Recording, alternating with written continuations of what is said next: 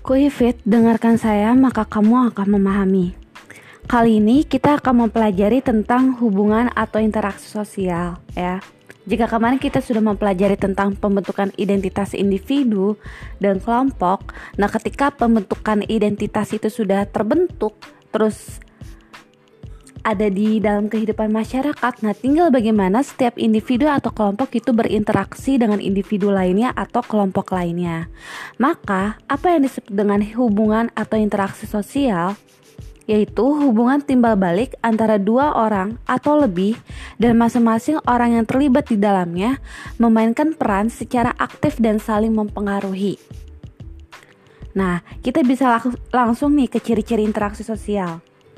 Yang pertama, tentunya jumlah pelakunya lebih dari satu orang. Ini udah otomatis ya. Kalau cuma satu orang itu bukan interaksi namanya, tapi berbicara dengan diri sendiri.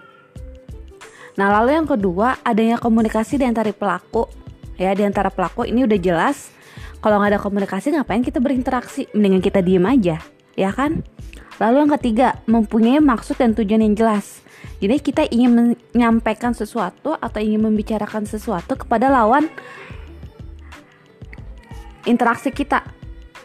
Lalu yang keempat berlangsungnya secara timbal balik dan yang kelima terdapat dimensi waktu meliputi masa lalu, masa kini dan masa mendatang.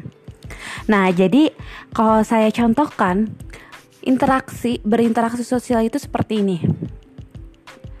Ketika guru memberikan materi atau penjelasan kepada siswanya, guru itu akan memberikan penjelasan materi dari A sampai Z. Nah, ketika itu juga murid-murid otomatis mendengarkan, memperhatikan ataupun melihat ke arah guru tersebut.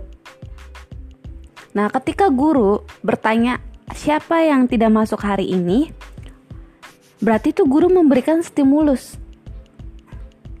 Ya, stimulus kepada siswanya dan siswanya langsung merespon.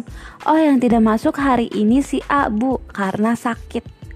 Nah, itu namanya interaksi guru ingin menyampaikan sesuatu ya kepada siswanya dan siswa pun memberikan jawabannya. Itu artinya ada stimulus dan respon yang terjadi. Nah, itu namanya berinteraksi. Ya, lebih dari dua orang, lalu adanya komunikasi, ada maksud dan tujuan yang jelas dan ada hubungan timbal balik. Coba bayangkan ketika kalian lagi misalkan nih contoh yang gak berinteraksi adalah ketika kalian minjem sesuatu barang nih sama teman kalian. Misalnya minjem pulpen. Kalian udah minjem nih terus kalian balikin ke teman kalian. Terus uh, kalian bilang makasih ya. Nah terus teman kalian diem aja Nah itu bukan berinteraksi namanya. Kenapa? Ketika kamu kalian udah ngasih pulpen itu kepada teman kamu, tapi teman kamu nggak ngerespon, itu bukan interaksi namanya ya tidak menjadi interaksi yang mulus atau tidak menjadi interaksi yang yang utuh ya karena interaksinya kamu hanya memberikan stimulus tapi tidak ada respon di baliknya tidak ada timbal baliknya kayak gitu yang ada hubungan timbal baliknya seperti apa? Ketika kamu minjem pulpen terus kamu ngembalin ke teman kamu ini pulpennya makasih ya. Terus teman kamu bilang iya sama-sama. Terus ambil pulpennya. Nah itu adalah interaksi. Karena ada karena ada apa? Karena ada hubungan timbal balik. Kamu memberikannya dia pun meresponnya. Kayak gitu. Paham Nah, kalau buat terdapat dimensi waktu meliputi masa lalu, masa kini, dan masa mendatang, jadi tuh interaksi itu bisa kapan aja ya. Bisa masa lalu, masa kini, dan masa mendatang. Kayak misalkan, kalian udah lama banget nih nggak ketemu, nggak ketemu secara langsung sama teman kalian yang di SD. Nah, Nanti sewaktu-waktu ketika momen tertentu seperti bulan puasa, pasti kalian terjadi apa? Interaksi di mana? Di grup SD kalian. Pasti adalah eh, satu satu dua orang gitu yang bilang, "Yuk kita bukber." Nah, itu adalah interaksi. Ya. Interaksi yang dihidupkan ketika masa lalu pas kita SD. Teman-teman kita SD kan itu teman-teman masa lalu kita kan. Nah, pas di masa sekarang itu hidup lagi tuh kembali lagi tuh grup itu itu namanya interaksi ya paham sampai situ nah kalau kita udah tahu konsep dan ciri-cirinya kita masuk ke jenis interaksi sosial Ini ada tiga, interaksi sosial hubungan individu dengan kelompok. Itu seperti guru dan murid-muridnya. Guru individu, murid-muridnya adalah kelompok. Lalu juga hubungan kelompok dengan kelompok ya. Misalkan ada rapat antara anggota OSIS dengan eskul paskibra seperti itu itu hubungan kelompok dengan kelompok. Terus ada juga hubungan individu dengan individu. Contohnya itu kayak kalian curhat sama teman kalian sahabat kalian kayak gitu. Nah kalau kita udah tahu jenisnya kita masuk ke syarat terjadi interaksi sosial interaksi sosial. Yaitu syaratnya itu harus ada kontak sosial dan komunikasi. Jadi kalian harus bisa bedain ya antara kontak sosial dengan komunikasi. Kalau kontak sosial itu secara etimologi berasal dari kata kontak ya kon atau jamaknya kam yang berarti bersama-sama dan tenggo artinya menyentuh. Jadi kontak berarti bersama-sama menyentuh.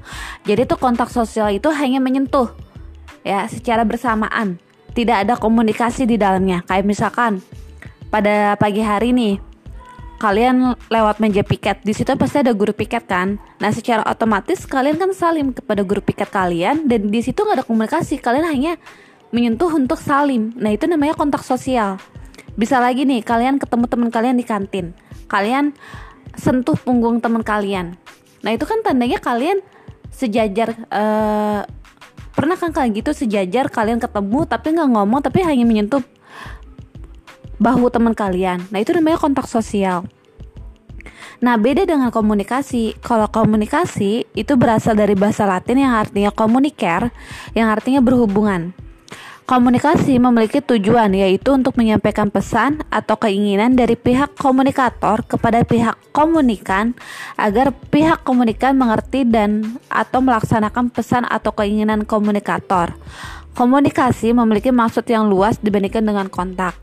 Jadinya kalau di kontak sosial ini nggak ada pesan yang ingin disampaikan, nggak ada artinya itu hanya menyentuh di kontak sosial.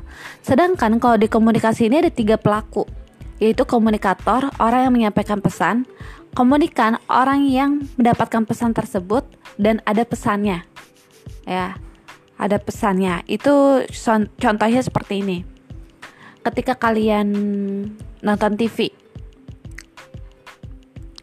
tentang berita demo di gedung DPR yang kemarin lagi kisruh-kisruhnya tentang undang-undang RUU hak cipta itu kinerja tersebut.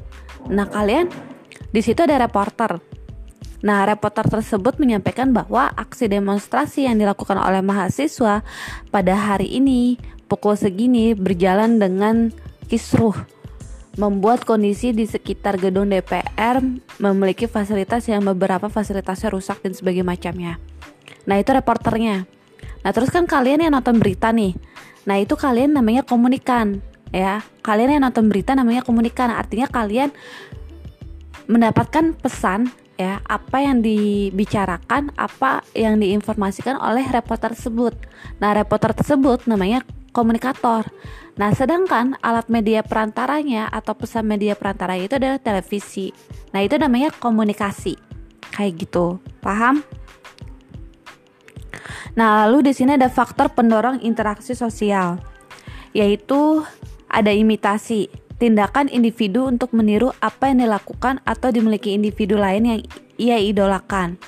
Nah, contohnya imitasi ini uh, secara sederhananya ketika kalian lihat ibu kalian masak, kalian jadi pengen ah pengen deh masak kayak ibu soalnya masakan ibu enak. Nah kalian cobalah uh, masak bareng ibu kalian belajar masak bareng ibu kalian atau kalian main masak-masakan sama teman kalian. Itu namanya imitasi. Jadi hanya meniru sebagian tidak sepenuhnya. Nah beda yang namanya identifik identifikasi kalau identifikasi keinginan dalam diri seseorang untuk menjadi sama dengan idolanya dan melakukan tindakannya, pokoknya pure murni sama banget kalau identifikasi. Kayak misalkan pernah kan kalian nonton on, on the spot, nah di situ ada cewek yang yang suka banget nama, sama namanya Barbie, bahkan saking sukanya dia, fanatiknya dia, dia operasi plastik seperti kayak Barbie. Mirip-mirip banget kayak Barbie. Terus dia punya aksesoris Barbie. Pokoknya fanatik banget deh. Ya pokoknya pure murni itu pengen jadi sama kayak idolanya. Pengen jadi sama kayak Barbie kayak gitu. Itu namanya identifikasi. Intinya kalau imitasi itu nggak fanatik. Dia hanya meniru sebagian. Sedangkan kalau identifikasi itu dia pasti fanatik. Ya meniru secara keseluruhan atau menjadi sama seperti idolanya Lalu yang ketiga adalah sugesti, tindakan yang berlangsung apabila seseorang memberi suatu pandangan yang berasal dari dirinya kepada orang lain. Sugesti ini kita ibaratkan adalah seorang dokter ya. Dokter memberikan sugesti kepada pasiennya bahwa kalau kalau perut kamu sakit, kamu nggak boleh yang namanya makan makanan pedas. Nah itu adalah sugesti karena jika nanti kamu makan pedas, perut kamu akan sakit lagi. Jadi kamu harus minum obat ini. Nah itu adalah sugesti. Ya, orang yang memberikan sugesti ini pada dasarnya adalah orang ya. Ya itu namanya sugesti. Ya. Jadinya uh, tanpa sadar sugesti ini terjadi ketika tanpa sadar orang memperoleh sugesti tersebut. Kayak misalkan lagi kalian nonton iklan di TV, uh, di TV produk iklan sampo. Wah kata iklan tersebut rambut kamu bisa jadi bagus loh bersinar berkilau terus lembut kalau pakai sampo ini. Secara nggak langsung kalian ah pengen nyoba ah beli sampo ini. Kalian ke ke pasar swalayan kalian ambil tuh sampo tersebut katanya. Soalnya kata iklannya ini sampo bisa buat rambut jadi lembut. Nah itu udah tersugesti secara nggak langsung tanpa sadar. Nah beda sama halnya motiva motivasi. Kalau motivasi merupakan dorongan atau rangsangan pengaruh atau stimulasi yang diberikan seseorang individu kepada individu lain sehingga orang yang diberi motivasi menuruti atau melaksanakan apa yang di motivasikan itu secara kritis, rasional, dan penuh rasa tanggung jawab. Nah, contohnya, kalau motivasi ini kan kalian waktu itu pernah ya lihat acara tentang Mario Teguh. Nah, itu kita termotivasi dengan kata-kata mutiaranya Mario Teguh. Nah, bedanya jadi kalian harus bisa bedain bedanya sugesti sama motivasi. Sugesti ini adalah kita tersugesti ya tanpa sadar. Ya, jadinya seolah-olah kok kita bisa beli produk sampo ini sih? Oh iya karena tadi kan saya ngelihat TV gitu. Tapi jadinya tanpa direncanakan kalian emang pas ngeliat TV eh, ngeliat iklan tersebut kalian kalian mau beli sampo itu kayak gitu. Tapi beda dengan motivasi. Motivasi kalian nggak sadar. Kalian sadar dan direncanakan. Kayak misalkan kok saya ngerasa hidup saya sepi banget ya nggak ada perkembangan kayak teman-teman yang lain. Kayaknya saya perlu deh dimotivasi oleh uh, oleh psikolog. Saya datang ke psikolog nih soalnya saya ngerasa bahwa diri saya emang insecure banget kayak gitu. Nah itu adalah motivasi. Kita sadar atas kekurangan diri kita dan kita butuh sesuatu dorongan. Nah itu namanya motivasi. Paham bedanya sugesti sama motivasi ya? Nah lalu yang ke 5 dan ke-6 di sini ada simpati dan empati. Nah, kalau simpati kemampuan untuk merasakan diri seolah-olah dalam keadaan orang lain dan ikut merasakan, tidak ada tindakan di dalamnya. Kayak misalkan teman kalian curhat nih. Saya kok ngerasa keluarga saya berantakan banget ya, broken home. Terus nih, terus teman kalian yang ajak curhat bilang ya udah sabar aja emang ini kan udah jalannya terus kalian ngerasa sedih uh, nangis bareng-bareng kan biasanya cewek kayak gitu ya itu simpati tapi bedanya sama empat empati bersikap untuk memahami perasaan orang lain dan ikut membantu ataupun melakukan tindakan Nah, bedanya kalau di simpati tidak ada tindakannya, dia hanya ikut merasakan. Sedangkan kalau di empati itu ada tindakannya. Contohnya, kalau kalian nonton tentang TV nih, berita tentang terjadi gempa ataupun tsunami. Ih, kasihan ya. Pasti kelaparan semuanya. Nah, terus kalian ngerasain sedihnya, kasihannya. Terus kalian tiba-tiba ah mau beli ah Indomie buat mereka. Nah, itu adalah membeli Indomie buat mereka. Itu adalah salah, salah satu bentuk adanya tindakan. Kalian bukan hanya ikut merasakan aja, tapi kalian ada tindakannya, yaitu membelikan atau memberikan Indomie mie mie instan kepada para korban bencana tersebut. Nah, itu bedanya simpati dan empati. Ya, udah paham? Nah, kita masuk ke bentuk interaksi sosial. Nah, bentuk interaksi sosial ini ada dua ya prosesnya itu, yaitu proses asosiatif dan proses disosiatif. secara sederhananya kalau misalkan proses asosiatif itu adalah yang positif jadinya apa pun yang dilakukan itu bersifat positif ya. Artinya mendukung seseorang atau kelompok dalam mencapai tujuan tertentu. Sedangkan kalau disosiatif ini disebut juga dengan oposisi atau yang artinya bertentangan dengan seseorang atau kelompok untuk mencapai tujuan tertentu. Artinya sifatnya ini negatif ya. Kalau positif asosiatif sifatnya positif sedangkan kalau disosiatif sifatnya ini negatif. Nah contoh dari asosiatif ini yang pertama adalah kerjasama atau cooperation Kerjasama adalah suatu usaha bersama antara individu ataupun kelompok untuk mencapai kepentingan dan tujuan yang serupa, serta menyadari bermanfaatnya untuk dirinya atau orang lain. Nah, ini jenis kerjasama itu bisa kayak kita mungkin di beberapa wilayah kalian masih ada kegiatan gotong royong. Nah, itu namanya proses asosiatif dalam bentuk kerjasama kayak gitu. Nah, jenis-jenis kerjasama ini banyak ya. Yang pertama adalah kerukunan yaitu contohnya yang kayak tadi gotong royong dan tolong menolong. Lalu yang kedua adalah bargaining, perjanjian pertukaran barang-barang dan jasa antara dua organisasi atau lebih. Kayak sistem barter ya, kalau kita punya beras ya, tetangga kita punya buah-buahan, kita sistem barter bargaining. Artinya ya udah saya kasih kalian beras, terus tetangga kalian kasih buah-buahan. Nah, itu namanya bargaining. Terus yang ketiga adalah kooptasi, yaitu proses penerimaan unsur-unsur baru dalam kepemimpinan sebuah organisasi. Jadi ya, ibaratnya nih ya, adanya pergantian OSIS angkatan berapa dengan angkatan keberapa ya udah sistem organisasinya kan pasti terganti. Orang-orang anggotanya juga terganti ya udah kalian menerima karena memang sistemnya sudah seperti itu dan namanya kooptasi Lalu yang kelima adalah koalisi, gabungan dua badan atau lebih yang mempunyai tujuan sama. Biasanya ini ada ketika politik ya, partai politik ketika ingin menjadi menjabat sebagai presiden pasti presiden ini didukung oleh beberapa partai. Nah, itu namanya adalah koalisi, koalisi gabungan. Terus joint venture yaitu kerjasama dalam penguas, penguasaan proyek-proyek tertentu. Joint venture ini kayak misalkan kita buat proyek tentang LRT MRT. Nah, itu kan LRT dan MRT-nya ini kan gak kita buat sendiri di Indonesia, kita pasti impor dari Cina ataupun dari Jepang. Nah, itu namanya joint venture, adanya kerja sama dari proyek-proyek tertentu kayak gitu. Lalu yang kedua adanya akomodasi, suatu proses penyesuaian diri individu atau kelompok manusia dengan man dengan semula saling bertentangan untuk upaya mengatasi ketegangan. Akomodasi berarti adanya keseimbangan interaksi sosial dengan norma dan nilai yang ada dalam masyarakat. Intinya kalau akomodasi ini adalah cara untuk penyelesaian konflik atau masalah sosial. Nah, itu macam-macamnya banyak ya. Ada 8 jenis akomodasi. Yang pertama adalah arbitrase. Suatu pengendalian atau penyelesaian konflik yang menunjuk pihak ketiga untuk memutuskan konflik atau pertentangan tersebut. Arbitrase ini ada pihak ketiganya. Nah, pihak ketiganya ini yang nantinya akan memberikan keputusan secara mutlak, kayak misalkan pengadilan, polisi, kayak misalkan kalian di rumah nih ada maling di lingkungan kalian, curi motor kan.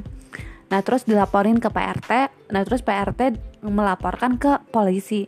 Nah, polisi akhirnya memberikan hukuman kepada si maling tersebut penjara. Nah, itu si polisi ini adalah arbitrase ya karena ada uh, pihak ketiganya yang memberikan keputusan bahwa maling ini emang bersalah kayak gitu.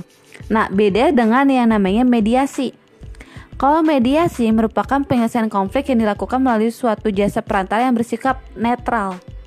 Ya, contohnya kayak gini, pihak ketiganya. Kalian seru nih sama tetangga kalian gara-gara masalah pembuangan sampah Nah, kan kisruh tuh. Nah, terus akhirnya Pak RT sama Pak RW datang ke daerah rumah kalian. Terus bilang ya udah jangan berantem kita bisa selesaikan dengan cara baik-baik atau musyawarah. Nah, Pak RT ataupun Pak RW ini tidak menyalahkan tetangga si A atau si B ya, tapi memberikan toleransi bahwa seharusnya membuang sampah memang harus pada tempat pembuangan sampah di rumahnya masing-masing. Nggak boleh kalau kita bak sampah kita udah penuh kita ngebuang di bak sampah tetangga lain kayak gitu. Itu namanya adalah mediasi ya bersifat netral tidak menyalahkan si A atau si B kayak gitu. Bedanya kalau arbitrasi pihak ketiganya memutuskan sedangkan kalau mediasi pihak ketiganya ini bersifat netral. Lalu yang ketiga koersi merupakan pengendalian konflik yang dilakukan dengan tindakan kekerasan contohnya kayak misalkan apa ya terjadi perang ya antara Israel dan Palestina Israel dan Palestina ini kan ada konflik ya, tapi kenapa harus ada peperangan untuk menyelesaikan permasalahan konfliknya? Nah, itu adalah adanya kekerasan, berarti itu koersi. Lalu yang keempat adalah konsiliasi. Konsiliasi merupakan suatu pengendalian konflik dengan cara melalui lembaga tertentu. Konsiliasi kayak misalkan adanya kekerasan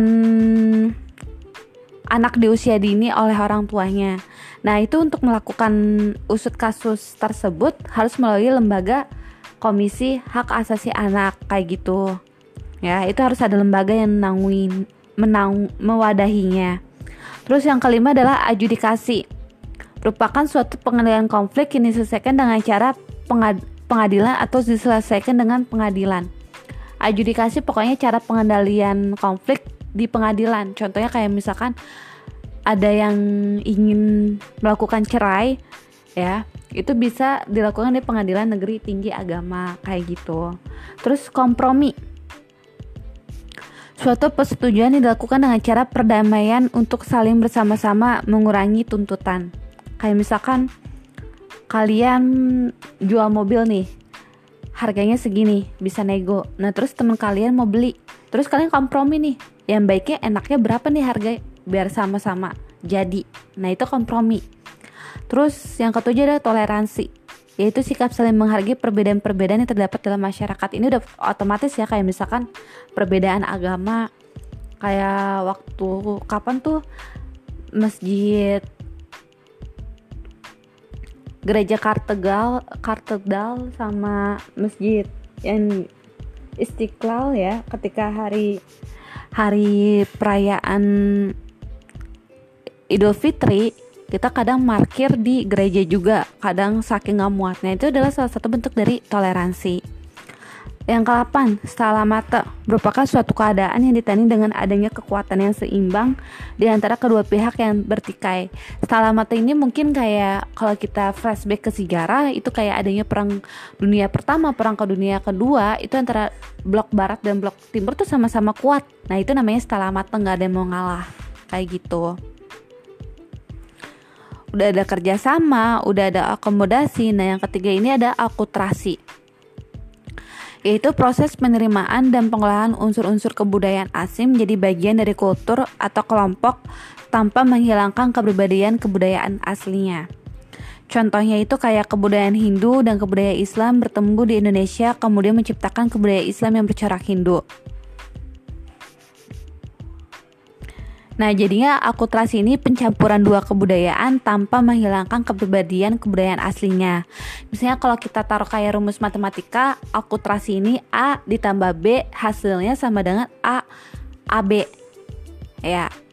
Ya, jadi akulturasi uh, apa namanya? rumus singkatnya adalah ketika A ditambah B sama dengan AB, itu akulturasi. Nah, sedangkan kalau asimilasi kalau kita masuk ke dalam rumus A ditambah B sama dengan C. Ya, jadi hasilnya berubah karena apa? Karena asimilasi ini adalah pencampuran dua kebudayaan yang menghilangkan unsur aslinya. Kayak misalkan kalian nikah nih sama orang luar negeri. Kalian punya anak. Nah, anak ini kan jadi jadi beda beda keluarga negaraan ya, maksudnya uh, jadi beda beda kulturnya. Nah, itu adalah adanya budaya baru lagi. Ya jadi si anak ini mau nggak mau harus bisa mempelajari dua bahasa. Terus harus bingung nih mau tinggal di mana kayak gitu. Itu namanya asimilasi. Adalah usaha-usaha untuk meredakan perbedaan antara individu atau antara kelompok guna mencapai satu kesepakatan berdasarkan kepentingan dan tujuan-tujuan bersama.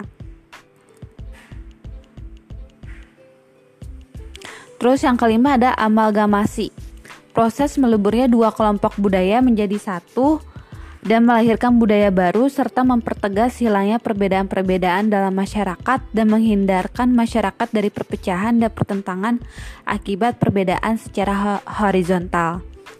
Nah, kalau amalgamasi ini lebih kepada pure adanya perbedaan yang mendasar, terus ketika disatukan itu malah bertitik tolak sehingga malah terjadinya konflik kayak gitu. Nah, terus yang terakhir ini ada proses interaksi sosial disosiatif. Yang pertama adalah persaingan atau kompetisi suatu proses individu atau kelompok yang bersaing untuk mencari keuntungan melalui bidang-bidang kehidupan. Kayak misalkan kalian persaingan dengan lomba lari, lomba mara lari maraton. Nah, siapa nih yang jadi juaranya? Itu termasuk kompetisi. Ya.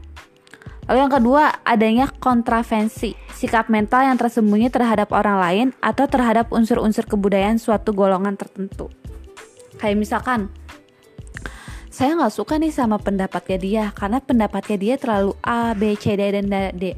Terus teman kalian yang dikritik kayak gitu juga bilang, saya juga nggak suka kalau misalnya anda berpendapat seperti itu namanya kontravensi. Ya kayak misalnya tidak ada persetujuan ya di dalam diskusi tersebut itu kontravensi. Lalu yang ketiga adalah pertentangan atau konflik. Itu konflik adalah suatu proses di mana individu atau kelompok berusaha untuk memenuhi tujuannya dengan jalan menentang pihak lawan yang disertai dengan ancaman ataupun kekerasan. Nah, itu namanya hubungan sosial ya semuanya. Nah, maka dari itu ada soalnya Ya, coba kalian tolong uh, jawab soal tersebut. Yang pertama adalah Di dalam hubungan sosial atau interaksi sosial terdapat ciri-ciri interaksi sosial. Jika salah satu ciri-ciri inter interaksi sosial tersebut tidak ada, maka apakah hal tersebut tetap dikategorikan sebagai interaksi sosial? Jika ia mengapa dan jika tidak pun juga mengapa, berikan alasannya. Lalu nomor dua,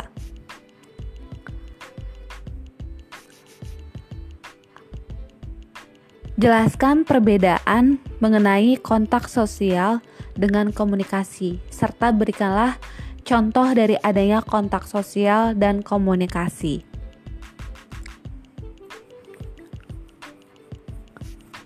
Nomor tiga,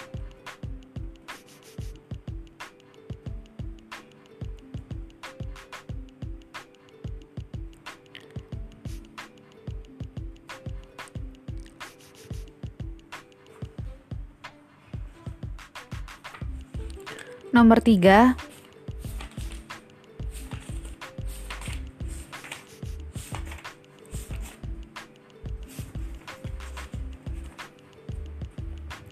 Dalam hubungan sosial, individu perlu melakukan kontak sosial dan komunikasi. Jelaskan makna kedua istilah tersebut. Ya, kalau tadi kan yang nomor dua kan perbedaannya dan berikan contohnya. Kalau nomor tiga dalam hubungan sosial individu perlu melakukan kontak sosial dan komunikasi. Jelaskan makna kedua istilah tersebut. Lalu nomor empat, Komunikasi dikatakan berhasil ketika komunikator dapat menyampaikan pesan kepada komunikan. Menurut Anda, pernyataan tersebut benar atau salah? Deskripsikan pendapat Anda. Dan nomor 5, salah satu hubungan sosial antara individu atau kelompok adalah persaingan ataupun kompetisi. Coba deskripsikan secara ringkas dan berikan dua contohnya. Seperti biasa, kerjakan di buku tulis sosiologi, lalu kalian tulis soalnya dan jawabannya, kemudian foto dan kirimkan ke vdnvidia@gmail.com. Terima kasih. Dengarkan saya, maka kamu akan memahami.